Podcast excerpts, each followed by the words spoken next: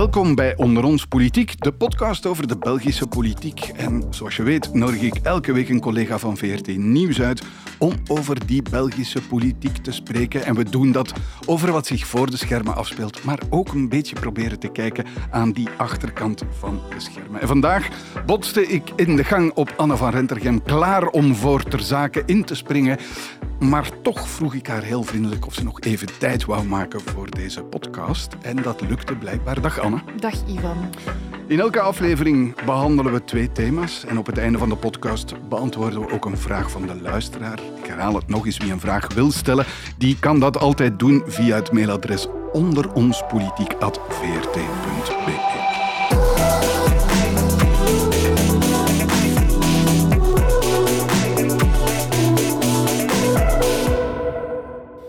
Vandaag wil ik het hebben over de verkiezingsstrijd in Franstalig België en over de houding van politici in de zaak van ACID, het vonnis dat daar heeft plaatsgevonden verleden week. En dan moeten we misschien toch een woordje uitleg geven, beste Anne, over jouw carrière. Want jij startte, en dat verklaart waarom dat thema jou wel aanbelangt en je daar ook interesse voor hebt. Jij startte ooit bij de justitieredactie. Ja, ik ben justitiejournalist uh, geweest. Ik heb rechten uh, gestudeerd in, uh, in Gent, dus ik ben juriste van opleiding.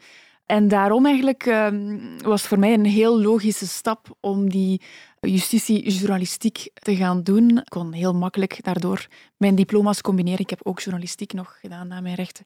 Dus dat was uh, heel logisch. Het heeft me altijd geboeid, die wereld. En waarom dan de overstap naar de politieke redactie een aantal jaren geleden? Uh, wel, het is mij gevraagd en daardoor ben ik dus beginnen nadenken en kwam ik eigenlijk tot de constatatie dat het voor mij altijd wel die twee werelden zijn geweest. Ik vond net het heel boeiende als ze elkaar begonnen te raken. Bij, bij de justitieredactie heb ik zaken als Govanet gevolgd. Dingen waar ook parlementaire commissies over waren. Daar ging ik dan ook naartoe. Dus het was altijd een beetje deel van de twee werelden. Ook. Want je hebt natuurlijk bij justitie ook het, het pure proces, mm -hmm. uh, assiseprocessen, ja. um, de emotie die met dat soort processen te maken heeft. Dat staat relatief ver van de wedstrijd. Hè? Dat is zo, maar het, ik moet zeggen dat het, dat het mij meer ging bij de justitie over het interessante van het, het procedurele, van hoe werken rechtbanken, het principe van is recht rechtvaardig of niet.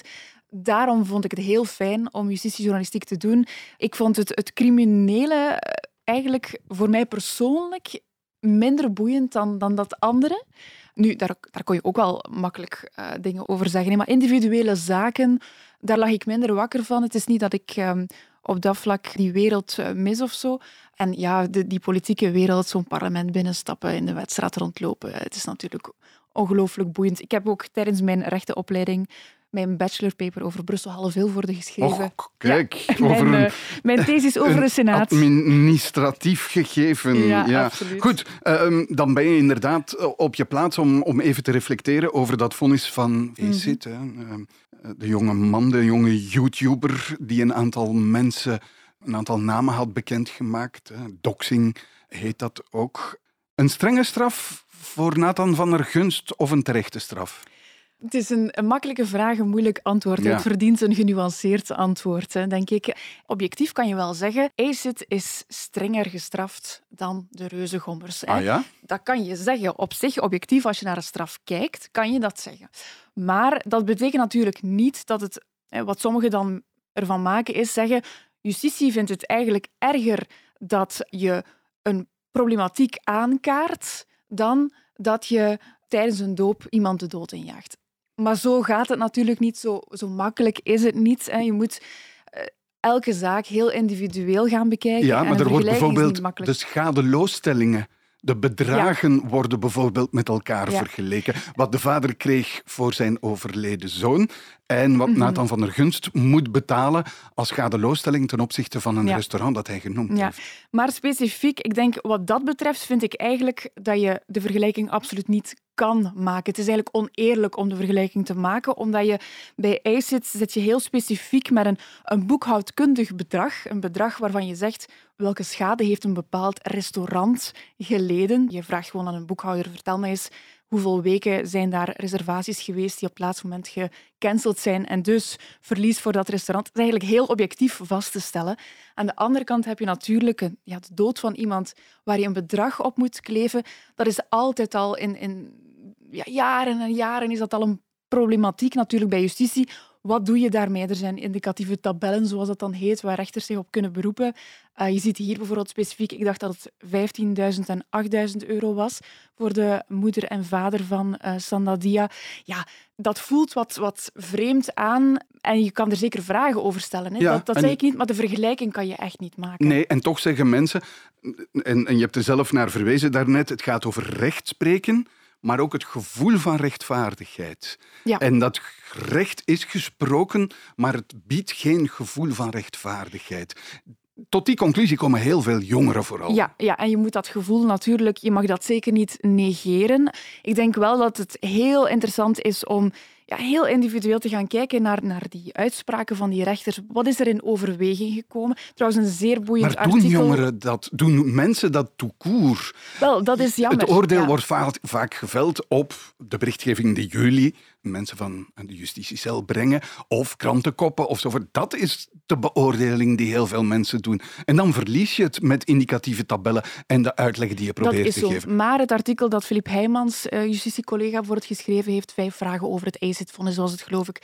Dat is bijvoorbeeld heel helder, heel goed te lezen, waar hij eigenlijk het onderscheid maakt. Hij zegt bijvoorbeeld van, kijk, ACID heeft geen spijt betuigd. Hij zegt dat hij het gewoon opnieuw zou doen. Hij heeft het ook met opzet gedaan, terwijl bij de reuzengommers er wel heel veel spijt was, het onopzettelijk was. Er zijn een aantal dingen die je wel naast elkaar kan leggen. Nu, los van het feit dat ACID, ja, die heeft niet de minimumstraf gekregen. Hè. Dus je kan het wel als redelijk streng beoordelen. Maar is het zo zo ver van elkaar als men soms laat uitschijnen, is het zo'n ongelooflijk verschil Misschien niet als je het uh, specifiek bekijkt. Wat misschien ook heel contradictorisch is, is als je het, de uitspraak bekijkt van de reuzengommers, dan zie je dat de rechter bijvoorbeeld rekening houdt, wordt ook opgelijst, met de impact, negatieve impact op sociale media en hoe die mensen zijn aangevallen op sociale media. Dus het is eigenlijk een contradictie, want wat ICIT doet, heeft er eigenlijk voor gezorgd dat de reuzengommers nog iets minder zwaar gestraft zijn. Okay. Goed, laten we dan naar die kruisbestuiving gaan, want er zijn mhm. politici die gereageerd hebben. Ja. Bijvoorbeeld Jos Dazen van de PvdA. Ja. Die zei, een schande dat er geen werkstraf was uitgesproken. Dan denk ik, die niet het volledige arrest, maar toch wel wat dingen heb gelezen. Ja, beste Jos Dazen, je had moeten weten dat eigenlijk de verdediging erop aangestuurd heeft om geen werkstraf te willen krijgen. Ja, dat Men heeft dat expliciet geweigerd. Ja. Hoe kan je dan als politicus bijna populistisch en gratuit zeggen schande, want er is geen werkstraf uitgedeeld? Dat was opvallend. Er zijn een aantal politici valt die... Valt die door de mand daar? Wel, ik denk dat je niet anders kan dan zeggen dat sommige politici, overigens Sami Medi ook, CD&V-voorzitter, heel snel hebben gereageerd zonder een beetje af te wachten van begrijp ik deze uitspraak en dan dus iets aankaarten. Sami Medi noemde het belachelijk dat er geen werkstraf was uitgesproken, terwijl hij eigenlijk toen nog niet wist waarom dat eigenlijk was. Eh, dus je merkt wel, er is heel snel gereageerd. Ook Nadia Nagy trouwens, dat is, is, misschien een beetje naar de ondergrond eh, verdwenen, maar Nadia Nagy, co-voorzitter van Groen, heeft ook uh, een, een filmpje gemaakt waarin ze zegt ja, dit lijkt te wijzen op klassejustitie. Dit lijkt een gevoel van klassejustitie. Jos Dazen noemt ook het woord klassejustitie. En ja, het is wel opmerkelijk dat men zo snel zo felle bewoordingen heeft gebruikt. Want als je dan bijvoorbeeld luistert naar hoe Nagy dat formuleert, zij heeft het bijvoorbeeld over het idee van sommige mensen kunnen top strafrecht advocaten betalen en anderen niet. Ja,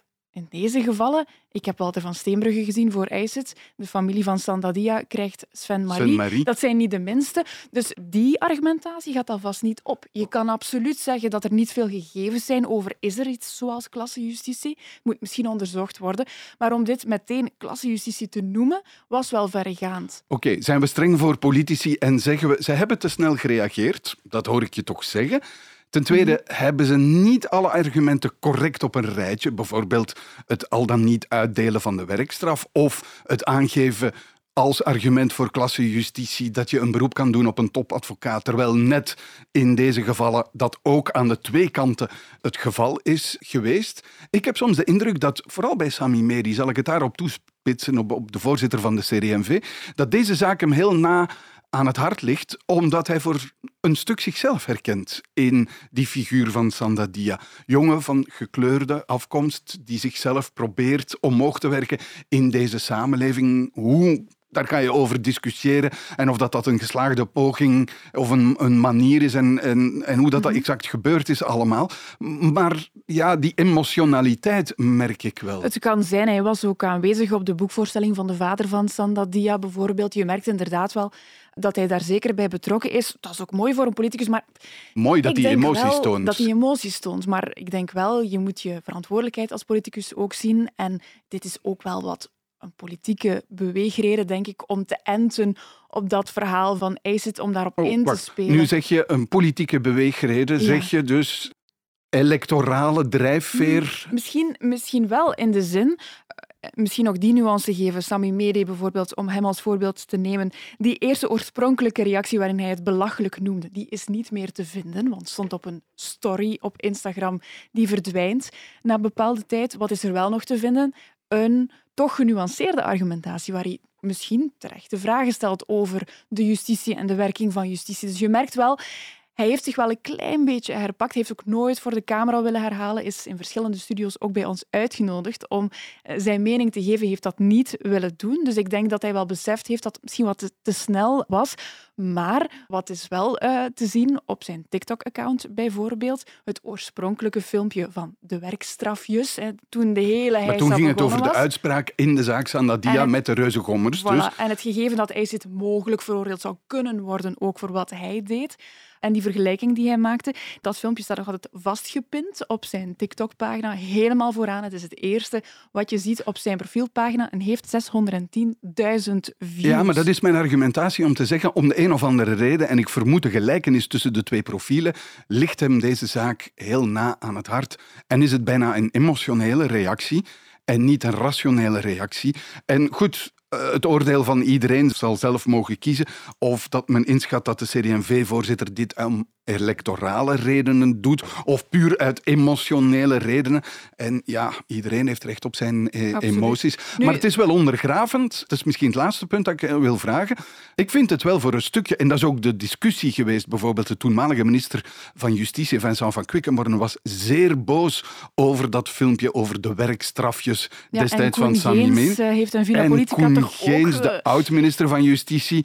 Ja, je voelde toch tussen de lijnen dat hij het moeilijk had met de manier hoe zijn voorzitter zich hij hierover zei, Hij zei, je leest beter het vonnis grondig. En eigenlijk gaf je daarmee wel kritiek. Dus is het ondermijnend wanneer politici op deze populistische, electorale wijze justitie gaan becommentariëren? Ik vind dat um, John Maas, advocaat, in ter zake uitgenodigd, dat ook goed geformuleerd heeft. Hij zegt van ja, hij heeft eigenlijk gereageerd op een manier die de rechtsstaat ondergraaft. En dat nemen dat soort advocaten uh, natuurlijk niet zomaar aan. Dat is helemaal niet fijn. Je moet beseffen dat bepaalde woorden, bepaalde aanvallen van instituten, pilaren van een samenleving. Ik ga nu een heel extreme vergelijking maken, maar men heeft er nog het kapitool voor bestormd, hè, voor het corrupt noemen van een, van een instituut. Het is niet zonder gevaar. Kapitool bestormen in de Verenigde Staten, het parlement 6 januari 2021. Goed gekaderd. Uh, ja, ja, ja, ja, En dus ik bedoel maar, uh, je mag absoluut vragen stellen over de werking van de rechtsstaat. Er zijn zeer interessante vragen hè, in dit kader.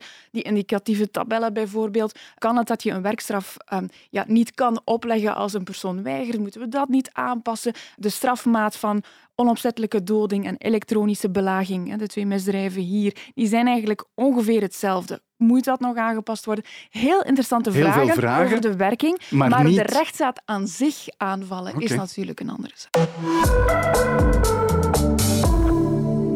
Goed, zullen we dan eh, even eh, een beetje een van mijn dadas naar het landschap in Franstalig België mhm. kijken, in het zuiden van het land. Want volgens mij op dit moment is het ongelooflijk veel boeiender aan de andere kant van de taalgrens. Is dat zo? Ja, boeiender, maar natuurlijk dat heeft ook met de misvorming te maken waaraan uh, politieke journalisten wel eens durven te leiden. Dat is namelijk het opzoeken van de spanning. Ik ga twee voorbeelden maar geven. er is toch spanning in Vlaanderen ook? Misschien ben je het een beetje beu bij ons, uh, Ivan. Nee, ik denk het niet. Uh, de, de, de spanning, en ook dat is een misvorming, heeft heel vaak met personen te maken. En dat voel je op dit moment heel sterk aan Franstalige mm zijde. Goed, twee voorbeelden heb ik je beloofd. Dat is wat zich afspeelt bij de Franstalige liberalen, de MR, mhm. waar een haantje de voorzitter om het zo maar te noemen. Ik bedoel een haantje, de, voorzitter, de voorste die ook voorzitter is, Georges-Louis Boucher. Hoe die probeert de macht in die partij te behouden. Zijn idee is, de MR moet opnieuw op alle niveaus aan de macht komen en daarvoor wil ik de sterkste mensen vooraan op mijn lijst. En dat is eigenlijk mislukt? Ja, mislukt inderdaad, want bijvoorbeeld niet in Europa. Europa doet er niet toe, telt niet. Het aantal zetels ligt zo goed als vast. En bovendien, geen enkele Belgische regering wordt gevormd op basis van het resultaat in Europa. En toch is zijn missie mislukt, want Sophie Wilmes trekt dus naar Europa op eigen vraag, op eigen verzoek, op eigen eis. En de voorzitter moet nu noodgedwongen zijn Brusselse lijsten, want dat zijn in zijn ogen de belangrijkste, opnieuw gaan hertimmeren. En je voelt dus de machtsstrijd binnen die partij, waar onze voorzitter Haantje de Voorste plotseling toch wel teruggefloten wordt door iemand die heel de tijd in de luwte van de politiek, maar als een soort ja, koningin in die partij, zeer populair ook in Franstalig België, hem op zijn plaats ja, Zou ze ooit de nieuwe voorzitter kunnen worden? Ze zou de nieuwe voorzitter kunnen worden, maar ik denk zelfs dat er iets anders aan de hand is. Want ook bij de PS heb je Elio Di Rupo, die lijsttrekker in Europa wordt. Met het mhm. idee dat je in die kiescolleges, want in Europa kies je als lid van de bevolking per kiescollege. Dat wil zeggen, alle Vlamingen, zowel in Vlaanderen als in Brussel, maar ook alle Franstaligen, mhm. zowel in Wallonië als in Brussel. En kan je dus veel grotere scores neerzetten. En zowel Elio Di Rupo als Sophie Wilmes hebben in het achterhoofd een grote persoonlijke score die je nadien kan verzilveren op het Belgische politieke toneel, bijvoorbeeld om een ministerportefeuille op te eisen, of bijvoorbeeld om zelfs eventueel te zeggen van zou ik dan niet de geschikte kandidaat kunnen zijn om eerste minister te worden. En Elio Di Rupo zou dat nog ambiëren, denk je? 72 jaar is hij ondertussen al, geloof ik. Onderschat de ambitie van Elio Di Rupo in deze niet. Ja, ik ben daar echt van overtuigd dat ook Elio Di Rupo nog altijd in zijn achterhoofd ambieert. Als alle omstandigheden goed zijn en de score helpt mij daarbij, ja, dan ga ik zeker die ambitie aan. Al zal Paul Magnet hem nooit premier laten worden, denk ik dan. Ja, dan zit je dus bij machtsstrijd tussen personen. En daarom dat ik ook zeg, het is veel spannender op dit moment aan Franstalige zijde. Tweede voorbeeld, het kleine partijtje Défi, waar de oud-voorzitter Olivier Minguin regelrechte aanval heeft uh, geplaatst tegen de huidige voorzitter in heel zware bewoordingen. En wat je voelt, dat die partij stilletjes aan, uit elkaar aan het, aan het vallen is, waarbij kiezers wel eens zouden kunnen voor andere partijen kiezen, omdat, zoals je weet, in een café waar ruzie wordt gemaakt, uh, lopen de mensen weg. Ja, ik geloof dat, er in Brussel zelfs ook een, al een, een beetje een leegloop van de Finaar MR uh, is gebeurd. Hè? De twee partijen hebben ooit in kartel gezeten, denken op sommige punten zeer gelijkaardig. Zou de MR goed uitkomen als de Ja, want dus het verlies dat de voorzitter heeft geboekt door zijn goudgaantje naar Europa te laten gaan, zou hij kunnen compenseren door de stemmen van Defi binnen te halen. En dan zit je aan Vlaamse zijde, ja, toch wel wat allemaal als konijnen naar een lichtbak te kijken.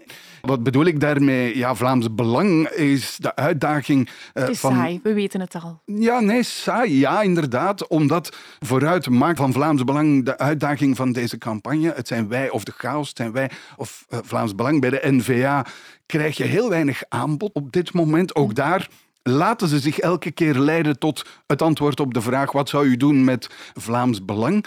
Migratie is een, een heel belangrijk thema, duikt elke keer weer op. En je weet, migratie is een thema dat Vlamingen koppelen aan de partij Vlaams Belang. De theorie is dat wie de eigenaar is van het belangrijkste thema bij de verkiezingen, die verkiezingen ook wint. En zeker wanneer dat thema ook nog eens belangrijker wordt gemaakt door andere partijen en die partij ook nog eens belangrijker wordt gemaakt. Dus alles wijst in dezelfde richting in Vlaanderen. En daarom vind ik het een stuk saaier dan aan Franstalige okay. kant. Misschien uh, nog een eindvraagje. Als er een federale kieskring zou zijn in ons land, dan zouden de goudhaantjes niet naar Europa verkassen? Dan zouden de goudhaantjes wellicht inderdaad naar die federale kieskring gaan. Met één bemerking, en dat is altijd mijn opmerking bij het voorstel van de federale kieskring geweest. Idealiter zou je zeggen, een federale kieskring, dat betekent dat je gewoon de meest populaire in een rangschikking plaatst. Alleen zit in het voorstel dat elke keer is neergelegd in het parlement al een quotaverdeling op voorhand. Mhm. Namelijk op 15 parlementsleden 9 voor de Vlamingen en zes voor de Franstaligen. Wat dus betekent dat je opnieuw, zelfs bij een federale kieskring, het onderscheid maakt tussen Nederlandstalige en Franstalige kandidaten, waarbij de Nederlandstaligen, zelfs al hebben ze pakweg de twintig populairste, er toch maar negen kunnen inzetten en zes plaatsen voor de Franstaligen gaan, zelfs al zijn die in de totale rangschikking minder populair. Dus ja, dat blijft een raar gegeven, maar het is juist, je redenering klopt. Men zou dan misschien eerder naar die top gaan, naar die federale kieskring, dan naar Europa in een poging om daar de score te gaan. Maar zo'n score, echt waar, het werkt. Yves Leterme, toen het nog mogelijk was, senaatsverkiezing, pakte echt uit met ik ben de man van 800.000 stemmen. Iets wat Bart de Wever hem een verkiezing later ook heeft nagedaan. En dus ja, dat werkte wel, dat magische getal 800.000 stemmen. Dus denk wel dat de strategie aan Franstalige zijde wel degelijk is om daar op zoek naar te gaan. In de hoop van op die manier toch opnieuw eerste minister te worden. Je weet maar mhm. nooit. Goed, ik zei het aan het begin. We beantwoorden ook elke keer een vraag van de luisteraar. Is deze keer een vraag van Hannes Walravens.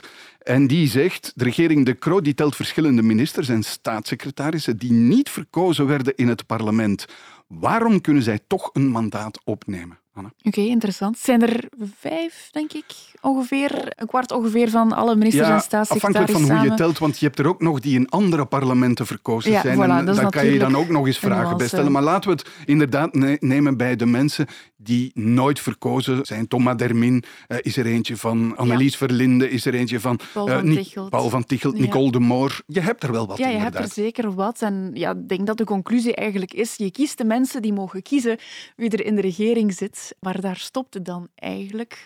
En dat zorgt er dan voor dat je ja, witte konijnen, experten, technici ook wel eens in een regering kunnen belanden. De vraag is, als je dat aan zou passen, als je dat zou veranderen, is dat dan een goede zaak? ja, maar voor alle duidelijkheid, het is wettelijk niet verboden. Er staat nergens in de wet, grondwet, waar dan ook, de eis dat een minister een verkozen parlementslid moet zijn. Zou een premier in theorie ook iemand volledig nieuw kunnen zijn? Ja, een technocraat mhm. zou bij wijze van spreken inderdaad eerste minister kunnen worden wanneer hij daarin slaagt om een regering op de been te brengen en een meerderheid haalt in het parlement. Dat zijn nu eenmaal de vereisten die, die je krijgt.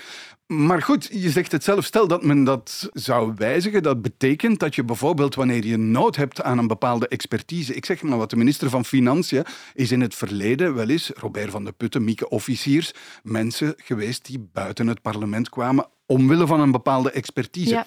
Heel lang in het verleden waren ministers van Defensie waren gewoon militairen die werden aangezocht om die job. Maar ik spreek nu echt uh, over de begindagen van de, het Belgische Koninkrijk.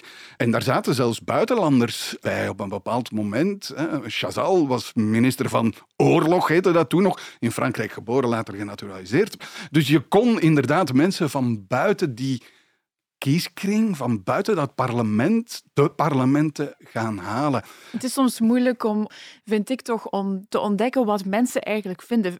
Vinden we dat Ze een, ergeren een zich daaraan. Ja, mensen ergeren zich daaraan. Als je nadenkt, bijvoorbeeld, ik geloof, vorig jaar, de stemming was een van de vragen zou je het oké vinden om een soort technocratische regering te hebben? Je vraagt eigenlijk een regering vol witte konijnen. En ik geloof tot 60 procent die zei ja, dat is oké. Ja, klopt. En dus, en, en dus ja, er, er zit iets raar, maar er zit ook iets fundamenteels in van het is een schande dat wij vertegenwoordigd worden of bestuurd worden door mensen die wij niet gekozen hebben. Mhm. Dat element zit erin. Maar ik denk dat je weinig mogelijkheden hebt. Dan moet je de wet veranderen. En nogmaals, dat betekent dat alle ministers uit het parlement moeten komen. En wat ga je dan doen wanneer je een heel specifieke expertise nodig hebt? Dan weet ik niet hoe je dat gaat Misschien zou je wel kunnen zeggen, laten we zeggen, de premier mag het alvast niet zijn, dat mag geen wit konijn zijn, want daar heb je toch vooral de politieke, diplomatieke inzichten voor nodig. Hoef je niet per se uit het terrein te komen. Wie weet kan dat nog wel aangepast worden. Goed. Wie ook een vraag heeft, kan die altijd stellen via het mailadres onder ons politiek.vrt.be. Dankjewel, Anna van Rentergem voor alweer een nieuwe aflevering van Onder ons Politiek. En nog even zeggen, het is bijna 9 maart en dan is er dat podcast-event van VRT Max in Mechelen. En ook wij, beiden, zullen daar niet ontbreken met de vraag Vraag het aan Ivan. En we zullen rechtstreeks op het podium alle vragen die we kunnen beantwoorden, want sommige vragen zijn wel heel technisch, maar alle vragen die we kunnen beantwoorden, zullen we ook beantwoorden. Tickets vind je nog altijd via de website van Max. En volgende woensdag vind je dan de volgende aflevering van Onder ons Politiek weer in de app van VRT Nieuws. Tot dan.